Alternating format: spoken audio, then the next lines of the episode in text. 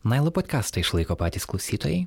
Jeigu jums patinka tai, ką girdite, kviečiu prisijungti prie bendruomenės adresu patreon.com slash nanuk multimedia. Kaip vienas žodis. Šią savaitę prisijungia Kornelija Kupstaitė, Julija Černisova, Vilma Gaučytė, Erika Vabaliukas, Vaiva Grainytė, Patricija Skurdenytė, Gedminas Baikštys ir Gabrielė Mitskutė. Taip pat kviečiame skirti mums 2 procentus savo pajamų mokesčio. Mūsų viešoji įstaiga vadinasi Dokumedija. Ačiū Jums visiems, kurie prisidedate. Dėl Jūsų mes galime dirbti toliau. Gero klausimo.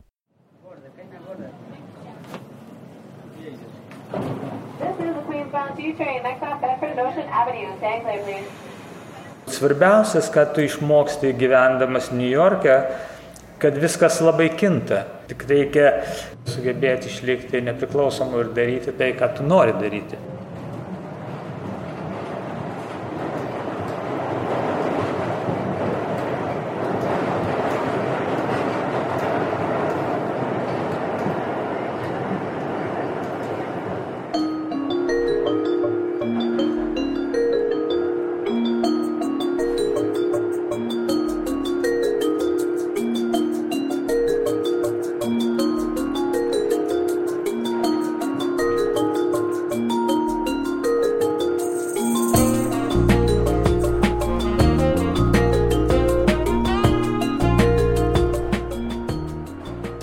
Visi vis tiek įsivaizdavom tą Ameriką tokią labai kažkokią turtingą, bet e, tais metais, reiškia 89-90 New Yorkas buvo visai kitoks.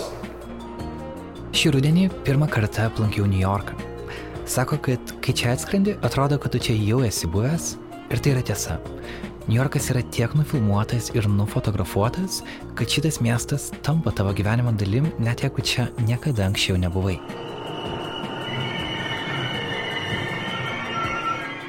Bet jeigu dabar būtų 91-ieji, jeigu tu užaugai negalėdamas matyti amerikietiškų filmų ir neturėdamas interneto, ar įmanoma šitame mieste pritapti ir, pavyzdžiui, pradėti piešti svarbiausią miesto laikrašį?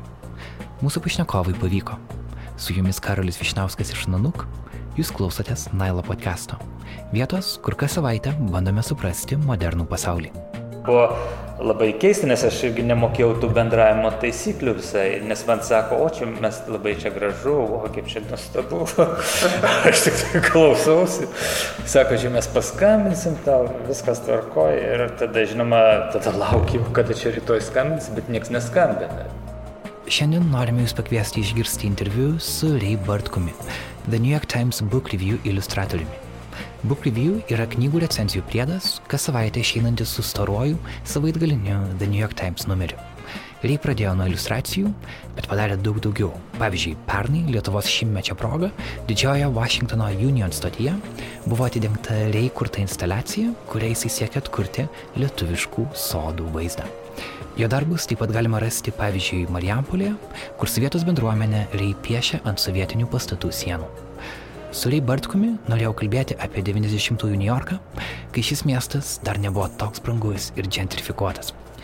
Susitikome Rybute, kuris paradoksalu yra ne New York'e, o 140 km nuo šio miesto - Filadelfijoje.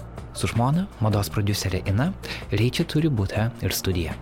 Jie pripažįsta, kad New York'e gauti tokią erdvę būtų nepalyginamai sunkiau. Pokalbį redagavau dėl aiškumo ir trumpumo. O dabar persikelkime į 91-osius, tuomet dar pas Rimvydą Bartkų, kylantį menininką su sovietinės Lietuvos pasu.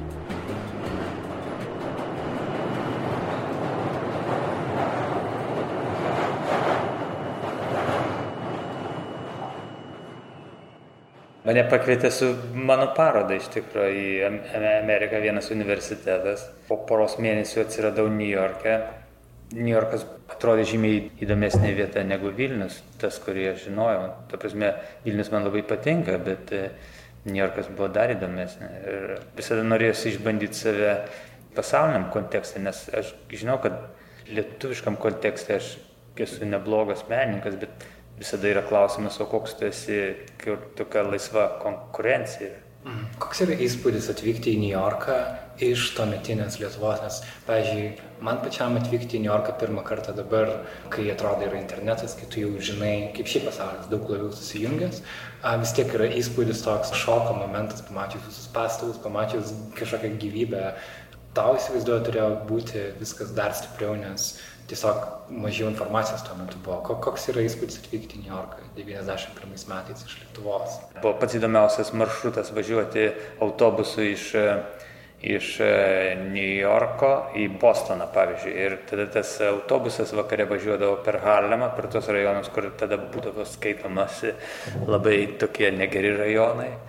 Ir aš žiūrėdavau, kaip e, kepa keulę tiesiog visą keulę iešmo ant šiukšlių dėžėse susikūrė laužą ir ją taip suka ir kepa. Tai man tai buvo kažkokia fantastika. Fantastika buvo ir išlipus į Times Square, pavyzdžiui, kuris dabar absoliučiai yra skirtingas.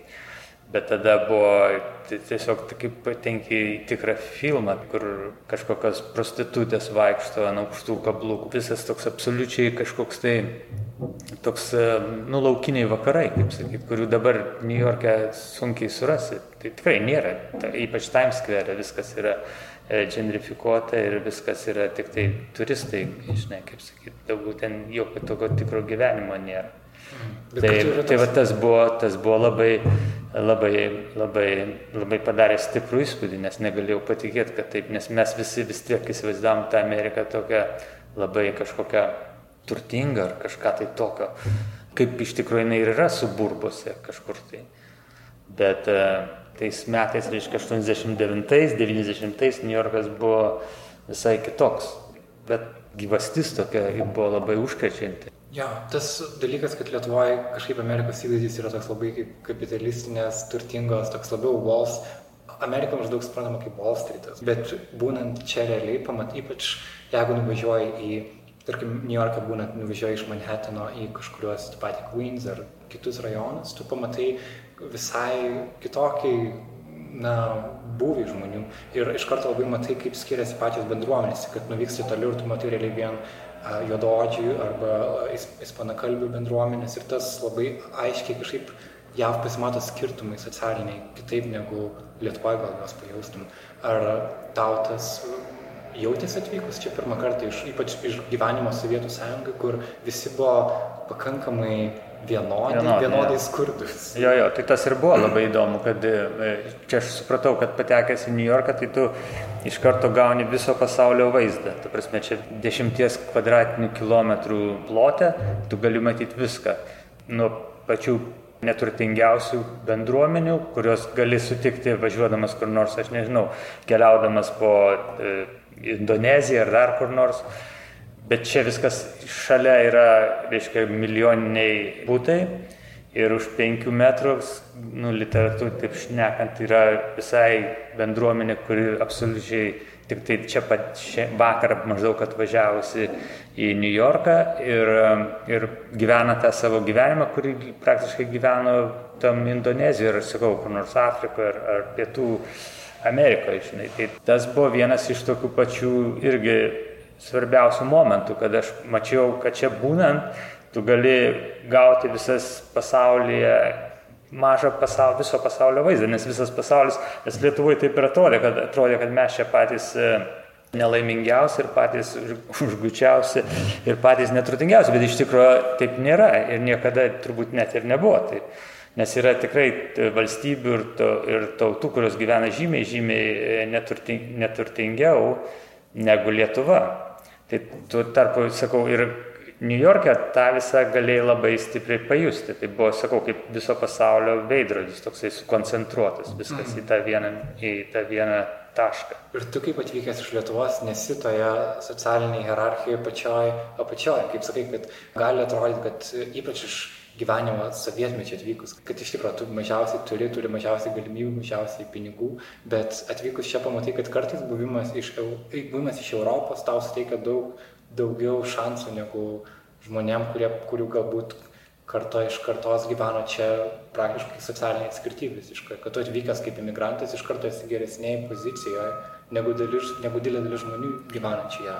Nu vėl, aš matai, skirtumas man toks buvo, nes prieš tai aš buvau irgi keliavęs, jau dar prieš atvykstant į Ameriką, buvau ir Prancūzijoje, Paryžiuje, ir turbūt Vokietijoje koks ten buvo pastebėjimas, kad visada tu jautiesi labai svetimas. Ta prasme, jie visi, nu ir čia Europoje toksai yra irgi dalykas, viso Europoje visi, kiekvienas turi jo kelius apie savo kaimynus, žinai, ir kokie jie durni, ir, ir kokie jie ten tokie šiokie ar tokie. New York'e viso to absoliučiai nebuvo. Ta prasme, nekalbant apie rasinius dalykus, nes galbūt kažkaip baltaodis buvau, į mane buvo žiūrima biski kitaip, negu aš būčiau juodaodis. Bet šiaip žmonėm iš tikrųjų visai nes nerūpėjo, iš kur tu esi. Ir jeigu, pavyzdžiui, Prancūzijoje tave vis klausdavo, mane klausdavo, o iš kur tu esi, Lituanijai, žinai, o, ten niekas nežino, aišku, ir taip toliau. Čia niekada manęs neklausdavo, niekada iš kur tu esi. Ir niekam tas absoliučiai nerūpėjo. Nes visi žmonės buvo ir New York'e ir dabar yra turbūt du trečdaliai žmonių yra tik tai atvažiavę iš kažkur tai. Tai tokio klausimo, pavyzdžiui, nėra, iš kur tu. Buvo klausimas tik tai, ar tu gali padaryti tą darbą geriau negu, geriau ir pigiau galbūt negu kiti. Ir tu gausi tą darbą ir tu, ir tu gali dirbti. Mhm. Bet nieks nebuvo tokio, kad tu iš Lietuvos ar tu iš Europos. Niekam čia tokie buvo jau paskui, na, nu, aišku, visi turbūt suprato, kad aš iš Europos, kadangi aš baltas ir kalbu su akcentu, ar ne, bet Bet ar tu esi iš Prancūzijos, ar iš Lietuvos, ar iš tos pačios Rusijos, tais laikais turbūt nebuvo jokio skirtumo absoliučiai. Lybartkaus vardą pirmą kartą išgirdau vienoje pirmųjų TEDx konferencijų Lietuvoje 2012-aisiais. Tada jis kalbėjo, kaip svarbu gebėti rasti naują perspektyvą žiūrint į dalykus. Savo iliustracijomis Ly būtent tai ir daro. Pavyzdžiui, kartais piešia iliustraciją recenzijai knygos apie tai, kaip po rugsėjo 11-osios atakos buvo pasirūpinta pastatų liekonomis. Rie iliustracijoje dangoraižių dalis buvo supakuotas ir tarsi paruoštas išvežimui į konteinerį. Arba kitas pavyzdys. Jis piešia iliustraciją recenzijai knygos apie prancūzų autoriaus prisiminimus Sovietų sąjungoje ir tame piešinėje sujungia raudoną sovietinę žvaigždę su Eifelio bokštu. Tai atrodo paprasti sprendimai, bet jie puikiai suveikia. Nail.lt ir taip pat Nanuk Instagram galite pamatyti, kaip praktiškai tai atrodo. Bet nuo ko viskas prasidėjo? Kaip lietuvis, menininkas be kontaktų atsidūrė The New York Times akiratyje. Jis sako, kad už tai jis ir daugelis kitų iliustratorių turi būti dėkingi vienam žmogui.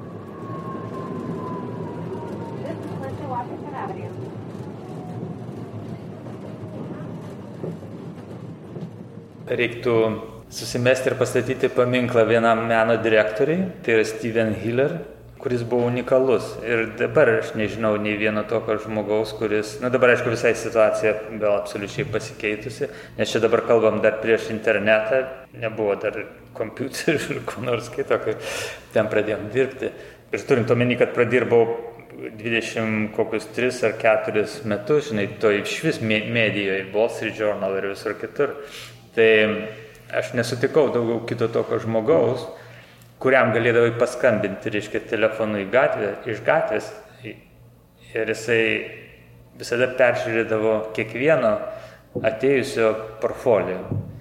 Nes būdavo šiaip situacija tokia, kad tu, reiškia, tu turi turėti kažkokį portfolio pasidaręs ir tu tada skambini, pavyzdžiui, redakciją, tada tau pasako kokia nors sekretorė, kad tu atnešk ir palik ten e, būdinčiam tą savo portfolio ir tada ateik po keturių dienų pasiimk tą portfolio.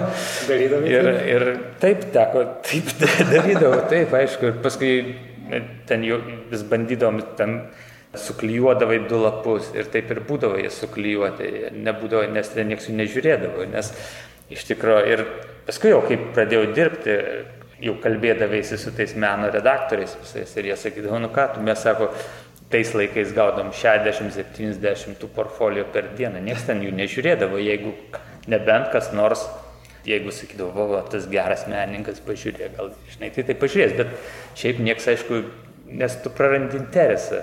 Iš kitos pusės aš suprantu, kad darbos, ta specifika atspaudoje yra tokia, kad tu gali turėti puikiausią portfolio, kaip sakyti, piešinių, bet tu nesugebėsi padaryti jokios iliustracijos, nes yra terminai, kartais būdavo per 3 valandas reikdavo padaryti darbą. Tai čia visai yra kažkas kitas, nes kartais portfolio tu gali, kaip sakyti, dirbti ten mėnesį prie to vieno darbo, galbūt labai geras darbas išeis, bet tau neišeis niekaip padaryti, tai, nes čia būdavo visada labai toks stresas didelis, visada, kai tau paskambina ir tau reikia staigiai padaryti. Tai grįžtant prie, prie to New York Times, tai, vat, tai buvo tas žmogus Steve Hiller, kuris pradėdavo labai anksti darbą, kokią šeštą valandą jau pasirikiuodavosi dailininkų kokie 10-20 su savo tais... O tai kas jis buvo? Jo, jis ir meno, jis New York Times, New York Times meno redaktorius buvo.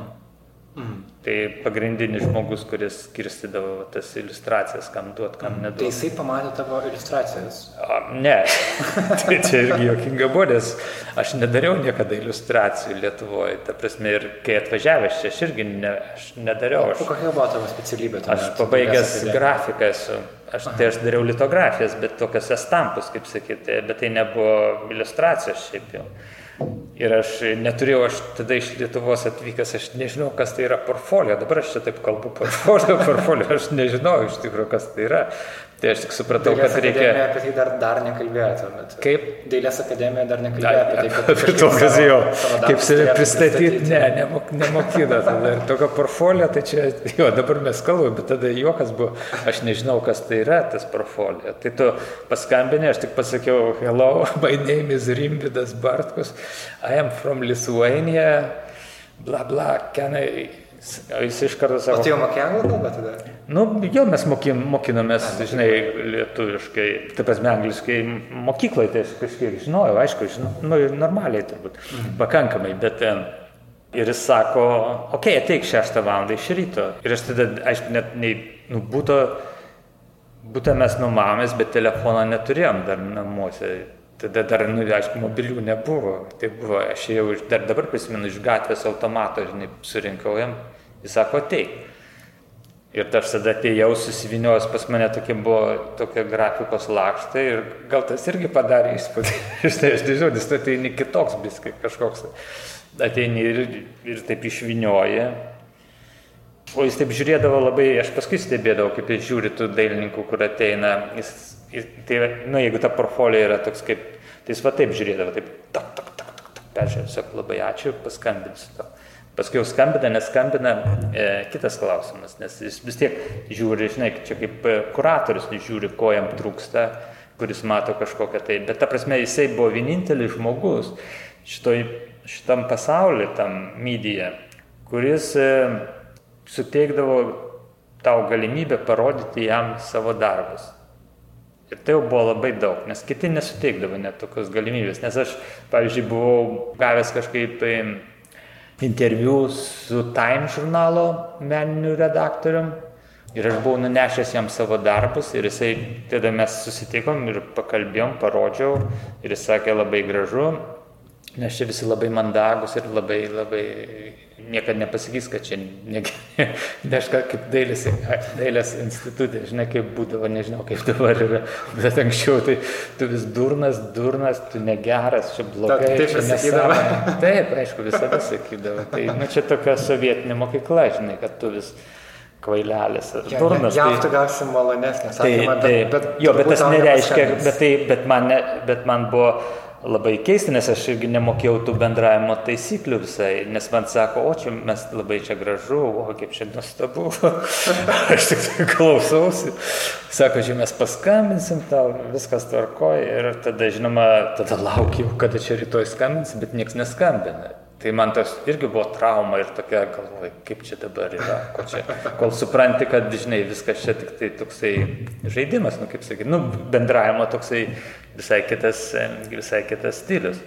Tai aš to darbo negavau Time žurnale. Bet paskui po turbūt po kokių metų ar dviejų man skambina, jau jie skambina iš Time magazine, nes jau mano darbai pradėjo rodytis. Time žurnalą, kad nemaišyti su Jo, Time žurnalo, jo, Time žurnalas. Ir jie turėjo ten irgi buvo labai stipri tokia jų iliustracijos ir vizualai, vizualiniai tie dalykai buvo labai stiprus. Ir ten pakliūti irgi buvo lygiai taip pat sunku. Ir, bet e, tai jau jie, tada, jau jie tada mane susirado ir sakė, Ir tas pats žmogus, pas, paskui aš pasidirbau turbūt kokius dešimt metų, kuris, bet jis aišku neprisimenė, kad aš pasibuvau atėjęs. Bet tada, matai, kai prasideda New York Times, pradeda jau tave rodyti, nes, nu ką reiškia, tu pradedi dirbti New York Times, reiškia kažkas kitas negauna darbo, nes tu kažką išstumi. Ir tada tu turi žiūrėti, visada stengtis daryti kaip galima geriau, nes jeigu tu tik padarysi porą iliustracijų, kurie, kurios nepasiteisins, tai čia iš karto, žinai, daug laukia žmonių į tavo vietą, kaip sakyti. Konkurencija didžiulė. Didžiulė konkurencija viso, iš viso pasaulio. O dabar tai aš iš, iš vis net neįsivaizduoju, kaip dabar žmonės e, tą daro, nes dabar, žinai, su internetu e, žmonės gali pristatyti, aišku, tą savo portfolio iš viso pasaulio labai per, per net neįsivaizduoju.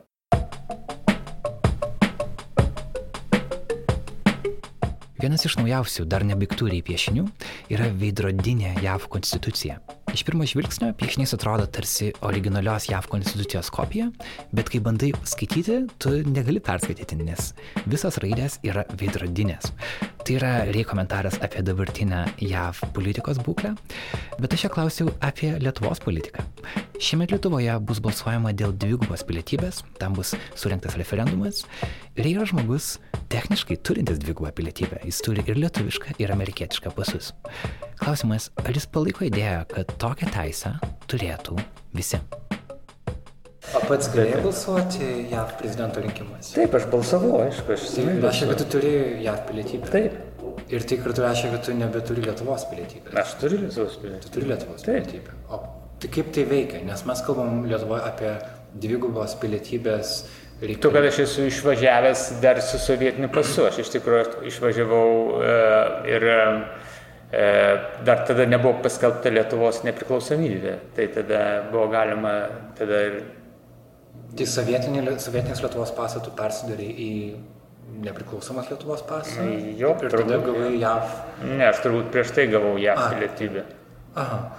Tai tu esi vienas nedaugelio žmonių, kuris realiai turi, lietuvis turintis dvigubą pilietybę, nes tai yra viena iš diskusijų, vienas diskusijos klausimų, kalbant apie tokia globalios Lietuvos idėja. Tai yra, ar mes duodame dvigubą pilietybę žmonėms, ar ne. Ir pavyzdžiui, šitam pačiam podcast'ui mes kalbėjome su uh, NASA dirbančia mokslininkė, lietuvė Eglė Čekanavičiūtė, kuri realiai yra vienintelė lietuvė dirbanti ten, yra neuromokslininkė, daug tyrimų padarė žmogus ir ji prieš keletą metų priemė JAV pilietybę, kas reiškia, kad jinai atsisako Lietuvos pilietybės. Na, tai net, neturėjo pasirinkimo. Ta prasme, kad jeigu nori JAV pilietybę, o jai reikėjo pilietybės, mm. kad ji galėtų dirbti NASA ir kad apskritai galėtų toliau matyti savo gyvenimą. JAV pilnavertiškai, um, dabar mes tarsi jos netekom. Ir man įdomu, kokia tavo nuomonė šito klausimu. Ar Lietuvai reikia dvigubos pilietybės? Ar reikia tokių žmonių kaip tu, kad būtų daugiau?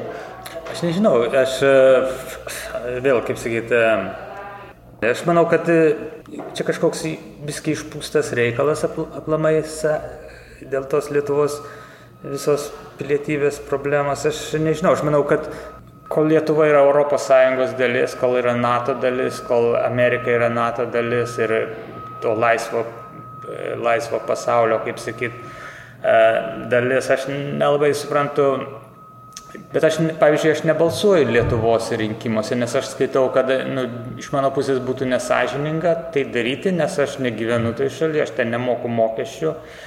Ir kodėl aš turėčiau tada diktuoti e, žmonėm kažkokį savo kandidatą ar ką nors. Nu, žinai, aš manau, kad nes manęs tas neveikia visai. Mhm. Bet tu esi, bet, e, bet, bet tu dabar... esi Lietuvos dalis, ta prasme, kad Mes noriu taip pat interviu kurias tavo darbus Marijampolėje, mieste, kurio, kai tu vaikštai po jį, po jos sienos, tu matai daug tavo darbų ir, ir, ir tu realiai tam miestui, jo viešai erdvį darai įtaką. Ir manau, kad tai yra. Taip, bet, aš, ar, taip, bet tai aš, aš, aš daryčiau tą pačią įtaką, jeigu aš neturėčiau Lietuvos pilietybės. Ta prasme, čia Lietuvos pilietybė man neduoda nieko.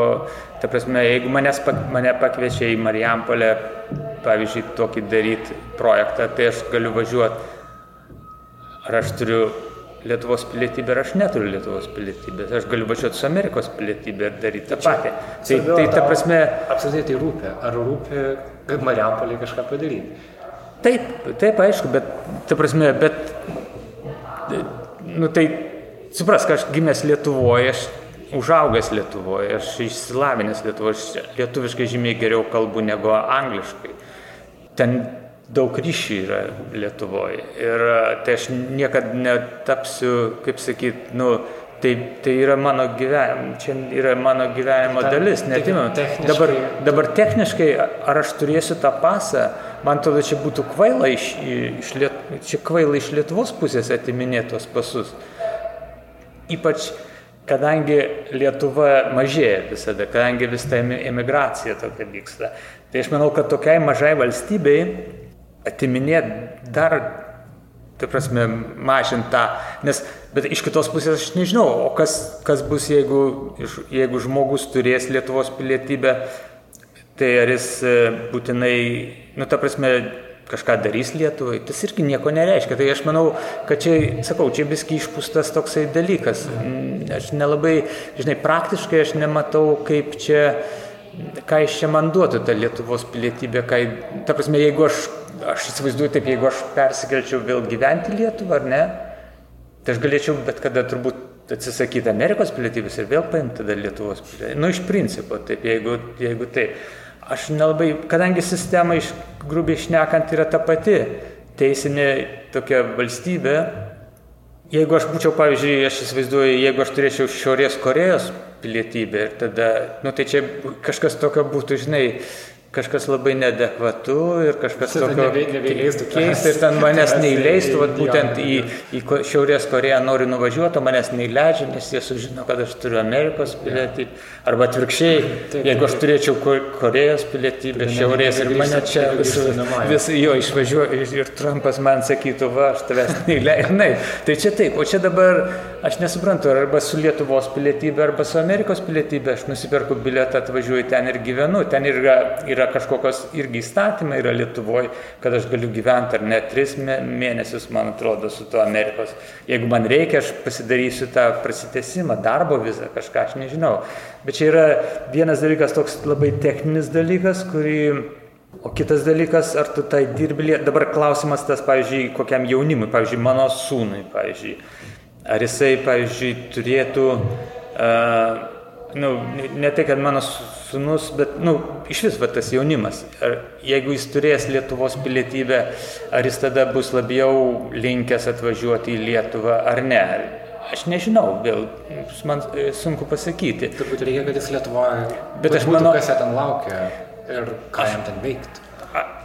Aš manau, kad, e, aš manau, kad, e, nu, ta prasme, aš sakau, man atrodo, iš Lietuvos pusės, iš Lietuvos valstybės pusės yra nesąmonė atiminėti tas, tuos pasus lietuvių, nes jeigu turi kažkaip Lietuvos tą pasą, tu galbūt visada kažkaip tai, galbūt, nu, tave vis tiek kažkaip rištų tas dalykas ir labiau galbūt, bet gal ir ne.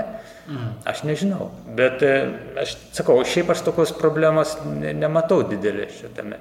Bet aš manau, kad ir vėl čia kalbant, apie Lietuvos valstybę kaip mažą valstybę pasaulyje, aš manau, kad jie turėtų duoti, leisti dvigubą pilietybę. Man netgi jokinga būtų dabar, e, aš gimęs Lietuvoje, užaugęs Lietuvoje ir dabar manęs atimtų iš manęs Lietuvos pilietybę. Sakyčiau, nu be. Net, bet e, aš, būtų daugiau kaip juokas toksai, nes kaip čia gali tu atimti, kad, kad tu man nieko nedavai iš tikrųjų ir dabar atim. Tai čia toks irgi, man atrodo, politikų daugiau yra toks žaidimas, kad mes čia duosim, mes čia atimsim. Mm. Aš nematau, ką tu čia atimsi iš manęs.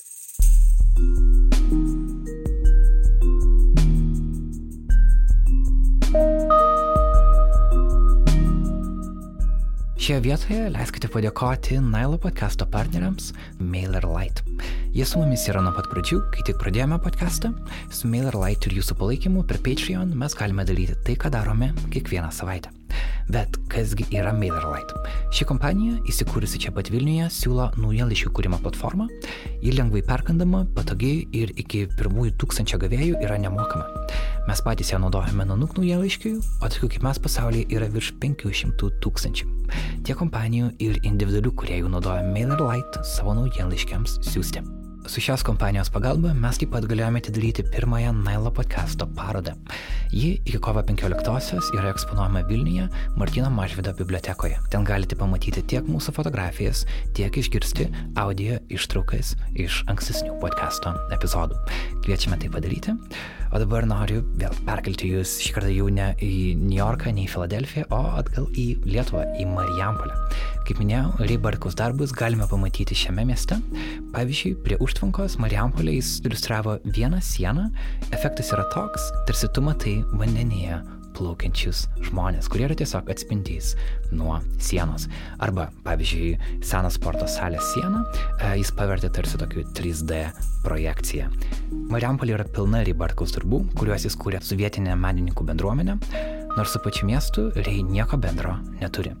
Norėjau išsiaiškinti, kaip galiausiai visa tai įvyko ir taip pat kaip jis mato besikeičiančius Lietuvos miestus.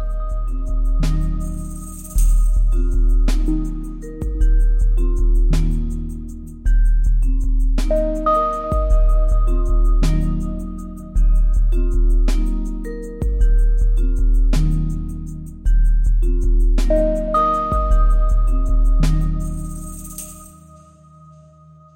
vieną gimimo dieną švenčiau Jamaikoje ir į ją buvo atvažiavę daug mano draugų, menininkų, muzikantų, mados atstovų iš New Yorko, iš Londono. Ir buvo taip pat nemaža, nemaža grupė iš Lietuvos atvažiavusių žmonių, mes turėjom labai gerą laiką. Ir tada signatarui Algerdai Kumžai, kuris tuo metu dirbo Harvey, Jisai pasiūlė, e, sako, čia reiktų vėl susitikti Marijampolėje, tu atvežtum savo draugus ir pratestumėm tą kūrybinį tokį, kūrybinius mainus. Idėja pasirodė įdomi, tada mes pristatėm visą tą tokį projektą, kai aš buvau dėl kažkokių kitokių turbūt dalykų Lietuvoje. Pristatėm e, Vidmantui Kučinskui, kuris yra prezidentas ir jam irgi patiko ta idėja, sako, davai pabandom. Nu, ir pirmas e, blynas, kaip sakyti, pavyko, neprisvilo. Iš pradžių, aišku, buvo irgi ir iš Marijampolės pusės e, žmonių, kurie iš pradžių įtariai žiūrėjo, nes buvo klausimas toks, kad e, atvažiuos iš New Yorko tie dailininkai, išterlios mūsų namus ir, ir, išvažiuos, nes, bet aš aiškinau, kad žiūrėkit, jeigu nepatiks, tai čia paimi volelį ir uždažai, tai maža, maža tokia rizika yra, kaip sakyti, ne, ne, ne kokias skulptūras darysim, kurios tokios akmeninės, kurių, kurių sunku. kurios, jo, bet ta prasme, Tai aš suprantu, kad žmonės iš pradžių kaip ir žiūri dažnai tokias idėjas kartais įtariai, bet e, aš manau, kad dabar jau nieks, e, nieks neturi abejonių, kad tai yra, tampa kaip ir Marijampolės veidu. Ir mes tą darėm jau šiais metais penktą kartą ir dabar rengiamės e, šeštam, šeštai, šeštai vasarai. Iš mano pusės man labai įdomu, kad vėl ir čia yra tiek daug tose dideliuose miestuose tiek daug talentingų menininkų, kurie dažnai yra vis dėlto sunku kartais, e, e, pavyzdžiui, gauti sieną ar ką nors, arba netgi nu, iš vis pasirodyti, pasirodyti save galerijos ar kitur, visur kitur. Tai aš manau, kad yra labai gerai, kad jie gali atvažiuoti ir, ir padaryti kažką. Tai, nes jiems tas, tas irgi yra, matai, įdomu, nes turi kažkuo tai dominti, kadangi jie pinigų negauna už tai jokių, reiškia, atvažiuodami, darydami kažkokius darbus, bet jiems įdomu, aišku, kadangi jie gauna visą tą e, nu, medžiagas, turi, bet to savanoriai puikus visada yra e, Marijampoliai, kurie padeda taip greitai padaryti tos darbus, nes visi darbai yra padaryti per penkias dienas, kas yra, nu, to, kai kurie ten darbai, jeigu tu matėjai, yra pakankamai dideli, būtų neįmanoma be, be Marijampoliečių jaunimo pagalbos. Tai iš vienos pusės vyksta tasai e, intimus bendravimas tarp niujorkiečių ir, ir vietinių žmonių, e, kur dirbama, reiškia, visiems visiem, visiem įdomų darbą. Ir iš kitos pusės tas lieka miestui, kur paskui dabar jau yra maršrutas daromas ir visai padarytas jau, man atrodo, yra ant interneto. Ir tas lieka miestui kaip, kaip toksai kažkokios skirtingos perspektyvos iš įvairių tų žmonių. Tai... Ja, atrodo, kai stebi tas darbas, atrodo, kad tu atneši dalį tos niujorkietiškos tokios laisvės į patį Mariampolės miestą, kad parodė, kad galima miestą tarsi, kad žaisti su miestu galima, kad tos sienos, kurias mes pratę matyti, kad jas galima Jos vat, gali atrodyti taip, jos gali, pavyzdžiui, tie vienas pirmų darbų, kur buvo atspindys ant vandens, na, tas, ta siena ten buvo daugybę metų, juk, o juk dabar jinai yra tokia. Ir kalbant apie Mariampolį ir apskritai daugelį miestų Lietuvoje, man įdomu, kaip to apskritai matosi jie, nes miestai keičiasi Lietuvoje.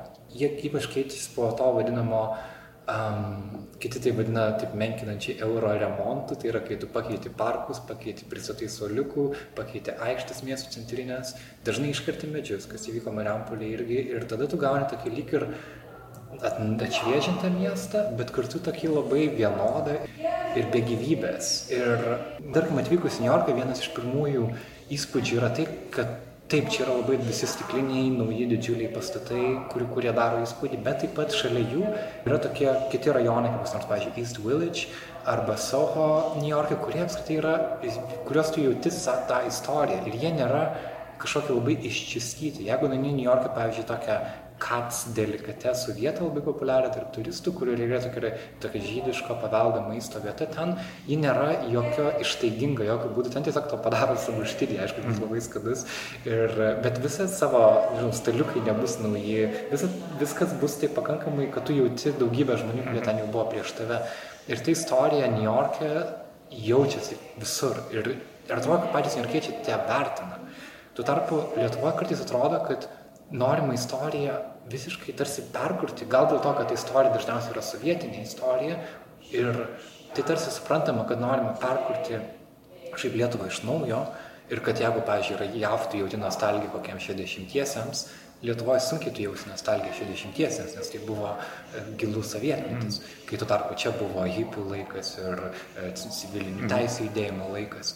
Bet kartu atrodo, kad kartais Lietuvoje gal prarandama kažkas, ko, ką mes turim. Ir e, įdomu, kaip tau, kaip tau negyvenant Lietuvoje atvykus į miestus, kaip tas matosi.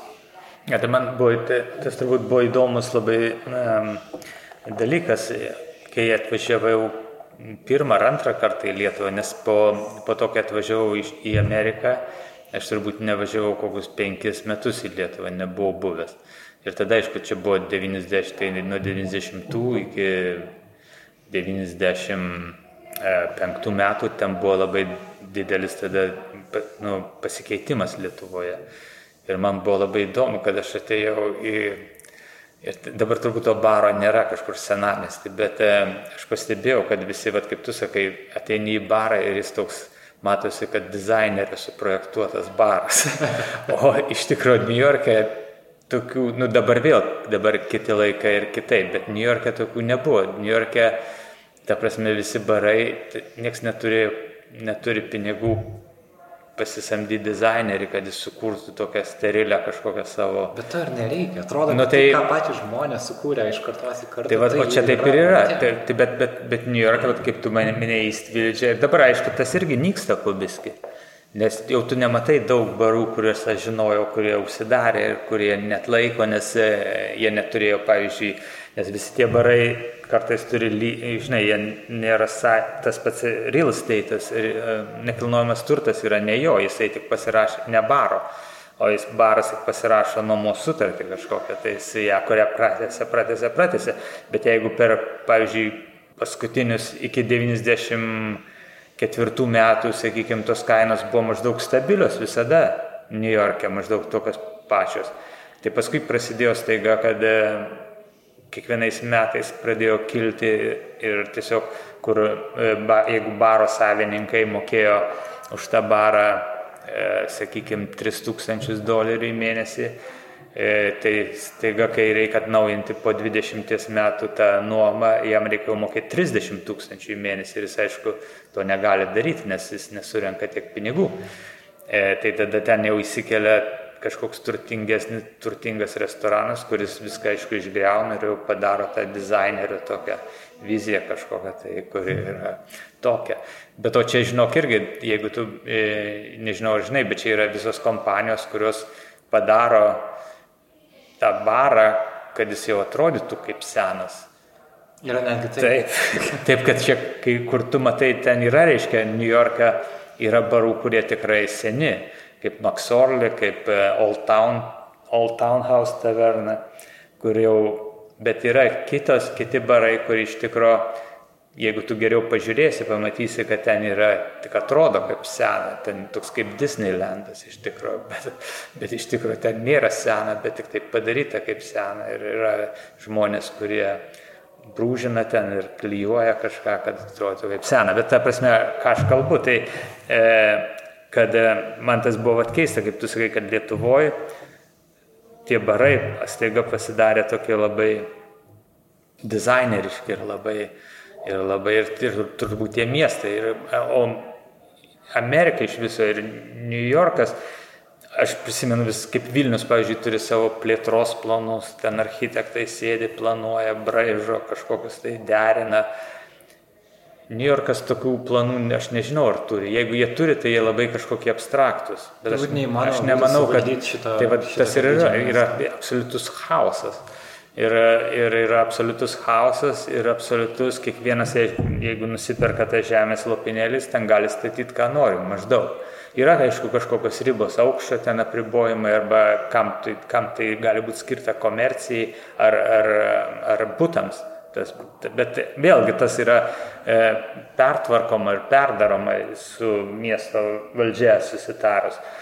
Bet e, nėra tokių kažkokių tai grandiozinių, niekada čia mes padarysim aikštę tokią ar kažką tokio nes taip, taip nieks nesusitartų, nes ten tada, žinai, vėl prasideda teismai ir visa kita. Ir, Bet Lietuvoje irgi nesusitarė. Vilniuje dėl nu, Lukiško aikštės paminklą vis dar šią sekundę, kai mes kalbame, vis dar nėra susitarta. Na, tai, tai vėl tai demokratija, tai taip yra, žinai, susitarta tik vėlgi Šiaurės Korejai susitarė labai greitai ir labai aišku, arba Kinijoje kur nors. O čia yra, toks yra, demokratija yra toksai e, mesi. Bet jav irgi yra demokratija. Na nu, taip, tai, va, tai, tai ir už tai nesusitarė, ir už tai, bet matai, vėlgi čia yra kitokia, viski kitokia, kitoks mąstymas negu europietiškas mąstymas. Nes aš irgi atvažiavęs, nu, čia kartais nustembi, kaip jie stato tos namus. Nekalbu ten apie tos didelius dangoraižius, kurie tikrai iš betono ir jie stovės ilgai, bet kiti namai, čia kad ir nauji, statomi paprastai iš medžio, iš kažkokių ploštų, drožlių, whatever ir jie, aišku, po 20 metų jie, ne, ne, ne, ne, nes to, jūs, jų bus, jie bus per brangus eksploatuoti. Juos tiesiog išbombarduos ir vėl statys kažką naujo. Nes bus pigiau pastatyti naują, tai aš ir tada sakiau tam architektui, sakau, tai pas jūs niekada senamiščio nebus, nes, nu, vis, e, sako, jo, bet taip labiau apsimoka, taip ekonomiškai daro tą, žinai, prasme. Mhm. Tai yra toks biski kitoks negu europietiškas tas požiūris, bet ir sakau, ir New Yorkas yra tuo gražus, kad tas atrodo pastato kažkokį baisų pastatą, bet šalia kito baisaus pastato ar dar kito neplanuoto kažkokios taiga gaunasi toksai chaotiškas grožis kažkoks, tai žinai. Mm. Iš to viso to. Jo, išlipus prie, tarkim, pačių, tarkim, Times Square pastatų, tu nustembi, kai pamatai milžiniškus dangoraižius ir tada, pavyzdžiui, likusią bažnyčią, kuri ten tiesiog yra apgyva apstatyta. Ir, nu, tas, tas buvo vienas iš keistesnių. Ja. Bet čia nieks, ne, nieks neplanuota, čia tiesiog taip darosi, kaip, tai kaip gyvas organizmas, jis toks ir įdomus tada, kai jis, nes kai viskas yra per daug racionalu ir per daug planuojama, tada tos gyvybės nelieka ir tokio, tokio įdomumo, aš manau. Pabaigai prisiminiau, kaip Lee Bartkus dalyvavo diskusijoje pasaulio lietuvių jaunimo susitikime. Ten jis pusiau jokais, pusiau rimtai pasakė, kad, cituoju, niekur nematė tiek daug žvaigždžių kaip Lietuvoje. Ir čia jo klausiau, ar jeigu jis liktų Lietuvoje, ar jis irgi būtų vienas tų žvaigždžių? Ar buvimas New York'e jam leido nusileisti ant žemės? Matai, aš manau, kad kai gyveni tokiam dideliai gausybei žmonių ir jau pragyvenęs nemažą gyvenimo dalį šitoj, ir tu matai, kaip žmonės, tie patys žmonės, kurie prieš porą metų buvo, kaip sakykime, ant bangos dabar jie niekas yra, o kiti ant bango. Tai, supranti, kad e, viskas, kad, kaip viskas yra relatyvų ir kaip viskas keičiasi. Lietuvoje, man atrodo, Lietuvoje yra daug, viskas yra labiau stabiliai, man atrodo. Ir dabar vėlgi, dabar labai skiriasi nuo tos Lietuvos, kurią aš pažinojau ir man atrodo dabar žymiai daugiau, aišku, be abejo, kad yra žymiai daugiau dinamikos Lietuvoje ir turbūt irgi kitaip, bet čia kažkaip nieks nesupranta ir ypač meno sferoje, ir ypač, ne, bet iš tikrųjų visose sferose, kaip tu žinai, ir telefoną, ir tas iPhone, va, tai pe, Apple, atsiprašau, labai staiga dabar jis ant tokios bankos, bet prieš septynis metus jie buvo bankrutuojanti visiškai kompanija. Ar ne septyni, jų laikas gal bėga prieš, de, nu, prieš dešimt metų ar kažkur tai. Aha, tai, ta prasme, ta prasme, tu žiūri į tą gyvenimą ir tu supranti, kad e, ir vienintelis dalykas, turbūt svarbiausias, ką tu išmoksti gyvendamas New York'e, kad viskas labai kinta, kad viskas yra labai, labai, e, labai keičiasi ir viskas labai kaip ir New Yorko e, rajonai kai kurie. Jeigu tu, pavyzdžiui, neteini į tą rajoną porą mėnesių nebuvęs arba pusę metų nebuvęs, tu kartais gali net pažinti ne, to rajono, nes jis staiga visai pasikeitęs, dangoražiai stovi, žinai, nu grubiai išnekant, nu, aišku, ne, ne, gal ne per pusę, bet labai greitai viskas pasikeičia. Tie restoranai, ne ta gatvė, čia, čia buvo tas mūsų mėgstamas restoranas, nėra to restorano, jau kažkas kitas yra. Tai duoda tau tokį supratimą, kad uh, kad nieko nėra pastovaus ir nieko nėra išskyrus tas va, tą keitimąsi tokį. Tai todėl aš manau, negali savęs taip labai rimtai priimti, jeigu tu bent kiek e, esi mąstantis žmogus, kad jeigu tau dabar čia sekasi ar kas nors, tai tau gali būti po dviejų metų visai nesisekti. Ir atvirkščiai, jeigu tau dabar nesiseka, viskas yra labai, žinai, keičiasi, viskas tik Tik reikia, kaip man sakė visada e, kažubos, sakė, visada reikia išlikti nepriklausomi, reikia sugebėti išlikti nepriklausomu ir daryti tai, sugebėti daryti tai, ką tu nori daryti. E, visada. Nesvarbu, ar tau kai sekasi, ar kai nesiseka, bet tu turi turėti, jeigu tau turi tą galimybę kurti, reiškia, kurti savo darbus daryti. Ir tą supranti, tai jeigu kartais, e, kaip sakyti, iš tavęs įma interviu ar perka tavo darbus, tai tu puikiai supranti, kad po, sakau, po dviejų metų gali nieks nepirkti to. Tai užtat tas e, suteikia kažkokį tai e, turbūt e, tą tokį nusodina tave teisingai. Taip, taip, taip prasme, Lietuvoje, bent jau anksčiau, vėlgi tai būdavo labai, jeigu tu taip iškylęs, tai taip ir lieki iškylęs kažkur arba ten Ir visada būdavo jokinga kalbėti, kad va čia geriausias pasaulyje menininkas Lietuvoje, drumzuoju.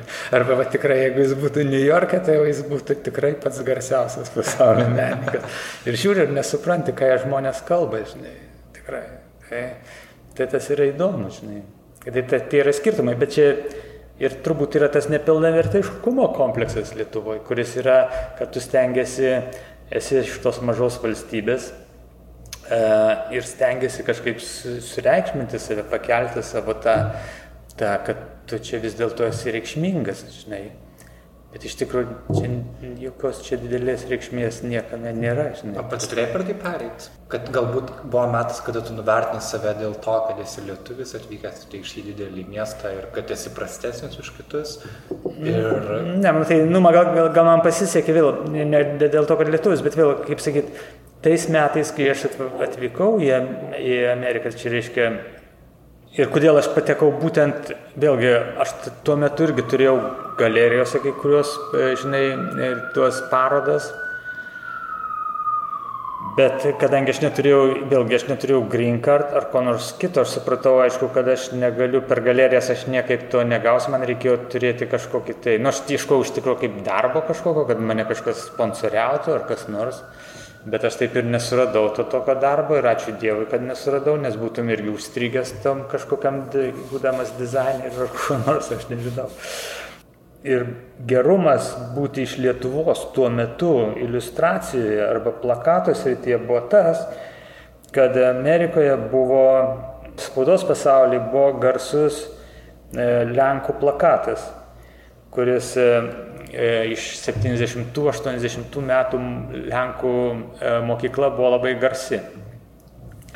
Ir tada per tai ta medija pasaulyje tada žiūrėjo į visus rytų europiečius, kaip maždaug bet iš tos mokyklos atėjusius, tokie biski surrealistinis, biski tamsus toks traktavimas, realybės traktavimas, kad toks kafkiškas, jeigu mhm. galim pasakyti, bet tas toks pasaulio pajutimas, kurio Amerikoje kaip ir trūko, kaip ir čia buvo ir jeigu eitum per tas per parodas, nes būdavo, reiškia, metinės kažkokios iliustracijų ar plakatų parodos čia Amerikoje, tai būdavo e, visada e, trys grupės.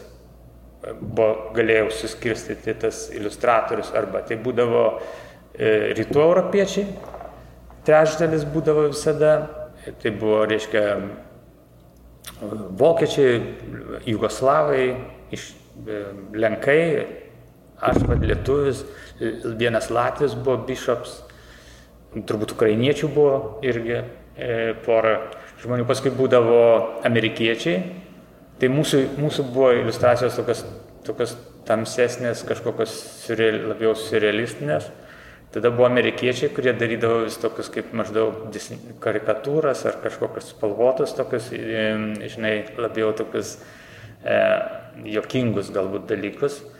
Ir tai būdavo, ir būdavo aziečiai, tai būdavo, nežinau, japonai ar korejiečiai ar kiniečiai, kurie darydavo daugiau, viskas būdavo pas jūs pagrįsta, nu, tais laikais ypatingai tai buvo daugiau pagrįsta viskas e, technologijom, kažkokiam tai kompiuterinė, tokia, kažkokia tai keisti, tokie, tokie, tai būdavo trys pagrindinės grupės tokios. Dabar, pavyzdžiui, man atrodo, to jau nebėra, kiek aš vėl nelabai seku, bet man atrodo, kad e, jau senai, man atrodo, ta rytų Europos E, iliustracija pasidarė per daug panaši į vakarų ir pasidarė nebeįdomi iš tikrųjų, nes mes dar patekom į tą laiką, kai mes turėjom savo kažkokį tai tokį juokise e, identitetą, mm, dabar... kurio jo, jiem reikėjo čia kaip tik tuo metu. Dabar gal individualus menininkai tiesiog labiau kuria savo stilių. Ir pavyzdžiui, iš Lietuvos yra vienas iliustratorius, e, Karolis Strautniekas vardu, jisai piešęs irgi yra New York Times. Tai vat, buvo, turbūt žinau, kad štai jūs piešėt, tu piešėjai šitiek prieš, e, atrodo, pirmasis turbūt buvai lietuvis tai padaręs ir dabar štai užauga naujas autorius, kuris irgi tai padarė kažkaip gražiai susijungi. Nežinau, ar esate su Karoliu pažįstami. Ne. Manau, jums reikėtų Būtų įdomu jūsų dviejų pokalbį, e, pokalbį rašyti, bet čia čia jau kitam kartui. Um, ačiū labai. E, Rei, skaičiau, Rėjau, net nežinau, koks tik, tikras vardas dar. Rimvidas. Rimvidas, bet čia neįmanomas vardu Rimvidas pra, pra, prasmukti Amerikoje turbūt. E, na, vėl žiūrint, ką tu darai ir kur tu dirbi, bet e, kadangi mane tai pakrikštėjo būtent New York Times, tas meno redaktorius, nes jisai, nes e, A jau sakė, koks tavo vardas? Rimvi. Būsi rei, sako. Ir taip aš pasidariau rei. Bet e, nes, e, nes matai, gaunasi taip, kad aišku, tada vėl galvoju, nu čia toks taktinis manevras turbūt, nes, e, nes jeigu jie, turi, jie turėdavo tie meno redaktoriai tokius didelius rolodeksus, kur surašyti pavardės ir vardai tų dailininkų buvo kokios du šimtai, pavyzdžiui, tai rotuoja, rotuodavo ar, ar, ar daugiau. Tai daž, dažnas turbūt neskambintų. What? Rimvidas? nes, jie, nes jie nežinotų, kaip tai ištarsi. Ai, skambinčiau Džonui geriau. Žinai, o reitai būdavo paprasčiau ištarti. Ja. Aha, tai dabar reis jau priauga kaip tavo tik vardas, turbūt visi tave taip kreipiasi. Jo, amerikoniškoje erdvėje, tai angliškoje, ta prasme, angliškoje terpėje taip. Aha. Aš visada tikėjau kaip indienai, vis po kažkokio e, Amerikos, kaip po kažkokio žygdarbio pasikeisdavo vardą, ten nušaudavo e, lokį ir pasidarydavo ten didysis A, lokys. Tai. Ir aš manau, kad taip visai įdomu, nes tu gyveni iš tikrųjų gan ilgai ir tada tu įvyksta per tavo, aš pavyzdžiui, nesu toks, koks aš buvau prieš 30 metų, tai tas vardas gali visada, pavyzdžiui, visai sutikčiau, kad aš manau, kad turėtų keistis, pavyzdžiui, bent vienas, nu pavardė gali likti ta pati, Bet vardas galėtų keistis per gyvenimą, nes tu pats keitiesi visada. Tiki, Bet kad labiau tiki, atspindi. Tiki, kad tas žmogus, kuris dabar esi, yra visai, kit, nu, ne visai, bet kitas žmogus. Taip, ne tas, visai, bet į aišku, JAV be abejo, 91 metais. be abejo, nes visai yra kita patirtis ir visai kita, žinai. Be abejo, kad visai kita. Tai gal dar kitą kartą sutiksim, tavo vardas bus dar kitais. Gerai, ačiū labai, ačiū labai už šitą pokalbį, labai įdomu. Ačiū. Jo, prašau.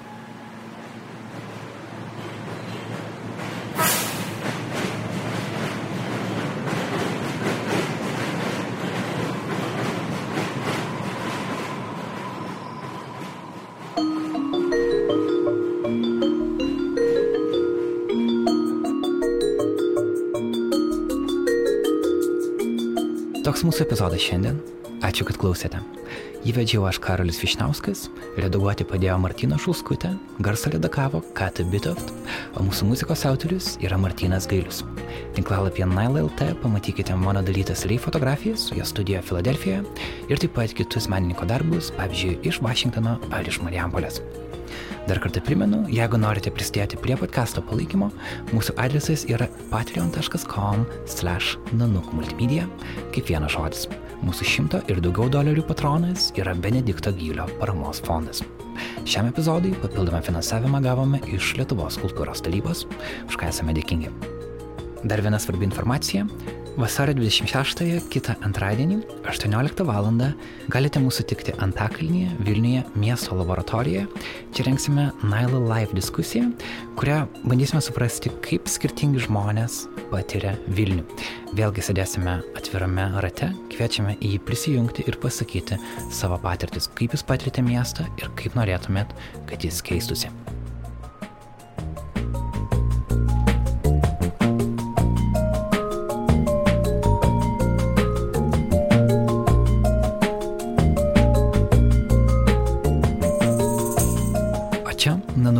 Praktikantės Audros Kodaitės žinia apie tai, ką žmonės nekalba.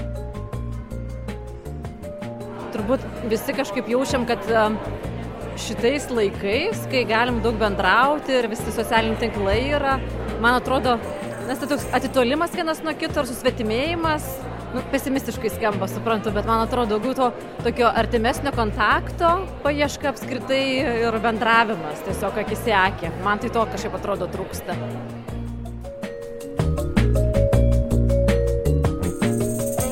Apie ką turėtume kalbėti mes? Parašykite mums į naila.nanuk.lt arba į Nanuk Facebooką. Naila podcastą, kuria žurnalistų kolektyvas Nanuk. Sustikime kitą antradienį. Iki.